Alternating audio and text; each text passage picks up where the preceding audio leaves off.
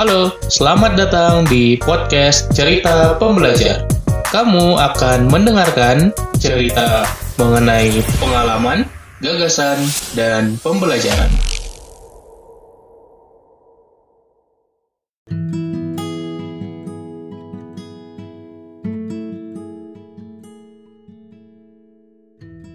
Halo Sobat Pembelajar, kembali lagi di Cerita Pembelajar, podcast yang gue bikin terus secara rutin bersama gue Umar Al-Faruqi yang terus bakal sharing tentang pembelajaran, bagaimana kita bisa terus bertumbuh dan berkembang dari hari ke hari.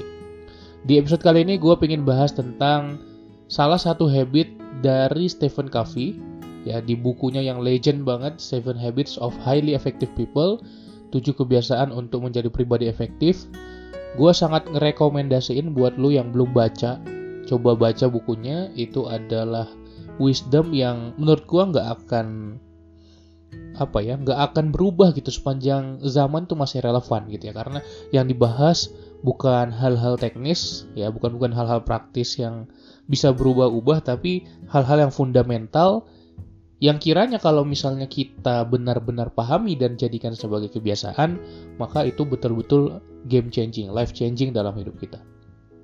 Nah, ada tujuh kebiasaan yang bagus banget di buku itu, dan kali ini gue ingin bahas kebiasaan yang keempat, ya, yang namanya think win-win.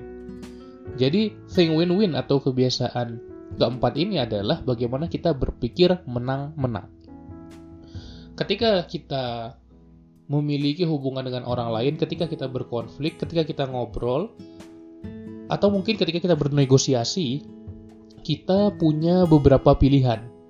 Dan pilihan ini digambarkan dalam empat kuadran berbeda, dengan sumbu satunya adalah courage atau keberanian kita, dan sumbu satunya adalah consideration.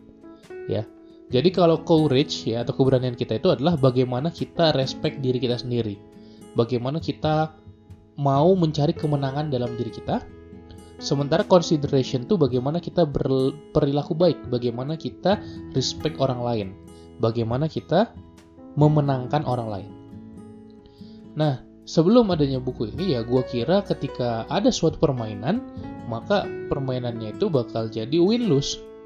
Ya, bakal jadi win-lose atau lose-win gitu. Jadi kalau misalnya gue menang, maka orang lain kalah kalau gue kalah itu disebabkan ada orang yang menang gitu. Nah, mungkin benar gitu ya di permainan-permainan pada umumnya ini memang ada gitu ya. Tapi hidup tidak permainan seperti itu ya. Jadi banyak sekali possibility kemungkinan-kemungkinan yang bisa terjadi. Nah, maka ada empat kuadran yang memungkinkan ya. Ada win-win yaitu kita menang dan orang lain menang, win-lose kita menang, orang lain tidak menang, kalah gitu ya lose win kita kalah orang lain menang dan lose lose kita kalah sama-sama kalah gitu ya nah jadi ketika kita mau mencari keseimbangannya coba kita menerapkan paradigma win-win. Apa solusi win-win gitu ya? Apa solusi menang dan menang yang bisa kita terapkan yang menguntungkan kedua pihak gitu ya? Yang menguntungkan kedua belah pihak tuh seperti apa dealnya? Nah kalau misalnya kita win-win itu contohnya adalah ketika kita misalnya kita ber, bekerja sebagai manajer gitu ya. Nah, salah satu staf penjualan kita itu kita berikan bonus atau kita berikan liburan kalau dia achieve target yang cukup besar gitu ya. Akhirnya itu menguntungkan buat perusahaan dan menguntungkan juga buat orangnya. Itu win-win. Jadi, prinsip win-win ini adalah prinsip yang kita senang, orang lain juga senang. Jadi sama-sama happy. Nah, jadi kita mencoba menargetkan bagaimana deal kita akhirnya berujung win-win selalu. Nah, kalau win-lose itu kita mau menang sendiri gitu ya. Jadi, dalam suatu case bagaimana kita benar-benar bisa mendapatkan sebanyak mungkin keuntungan, kita nggak peduli sama orang lain. Artinya kita tough tapi kita nggak nice ke orang lain. Nah, ada juga kuadran yang lose win. Ini adalah kondisi di mana kita mengalah ya. Oh ya udah deh nanti buat lu aja gitu ya Nah, sebenarnya ini kelihatannya baik kan, tapi ternyata bukan hal yang terbaik karena kita lemah ke diri kita sendiri. Meskipun kita baik ke orang lain, tapi kita lemah ke diri kita sendiri. Ya, jadi lebih baik yang win-win tadi yang pertama. Nah, paling parah lose-lose gitu ya. Oh, yaudah nggak ada kesepakatan gitu ya. ya mending sama-sama kalah aja deh gitu jadi daripada gua rugi gitu nah itu yang paling buruknya adalah si lose lose nya Nah, jadi bagaimana lo coba di setiap kesempatan coba cari solusi yang win-win, solusi yang sama-sama memenangkan kedua belah pihak, supaya apa? Supaya kita dapat untungnya juga dan lawan bicara kita atau teman kita atau lawan komunikasi kita juga mendapatkan keuntungannya. Jadi, menguntungkan bagi kedua belah pihak.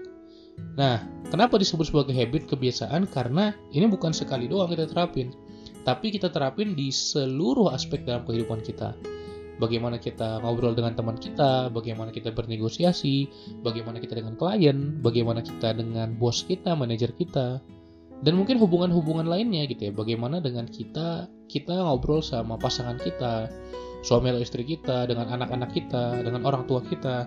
Jadi dalam semua relationship ya, dalam semua hubungan kita bisa menerapkan habit thing win-win ini. Jadi gak ada ruginya ya kalau misalnya kita mau mencoba menerapkan dan mungkin kita bisa ajarkan juga ke orang lain.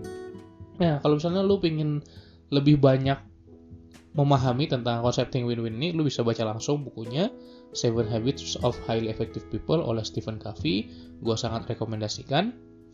Dan nanti lu bakal menemukan ketujuh habit apa aja sih yang bisa bikin kita menjadi pribadi yang efektif.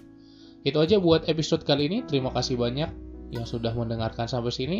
Kalau lo suka silahkan follow di Spotify dan follow gue juga di Instagram @pembelajarproduktif. Kita jumpa lagi di episode-episode berikutnya. Salam pembelajar.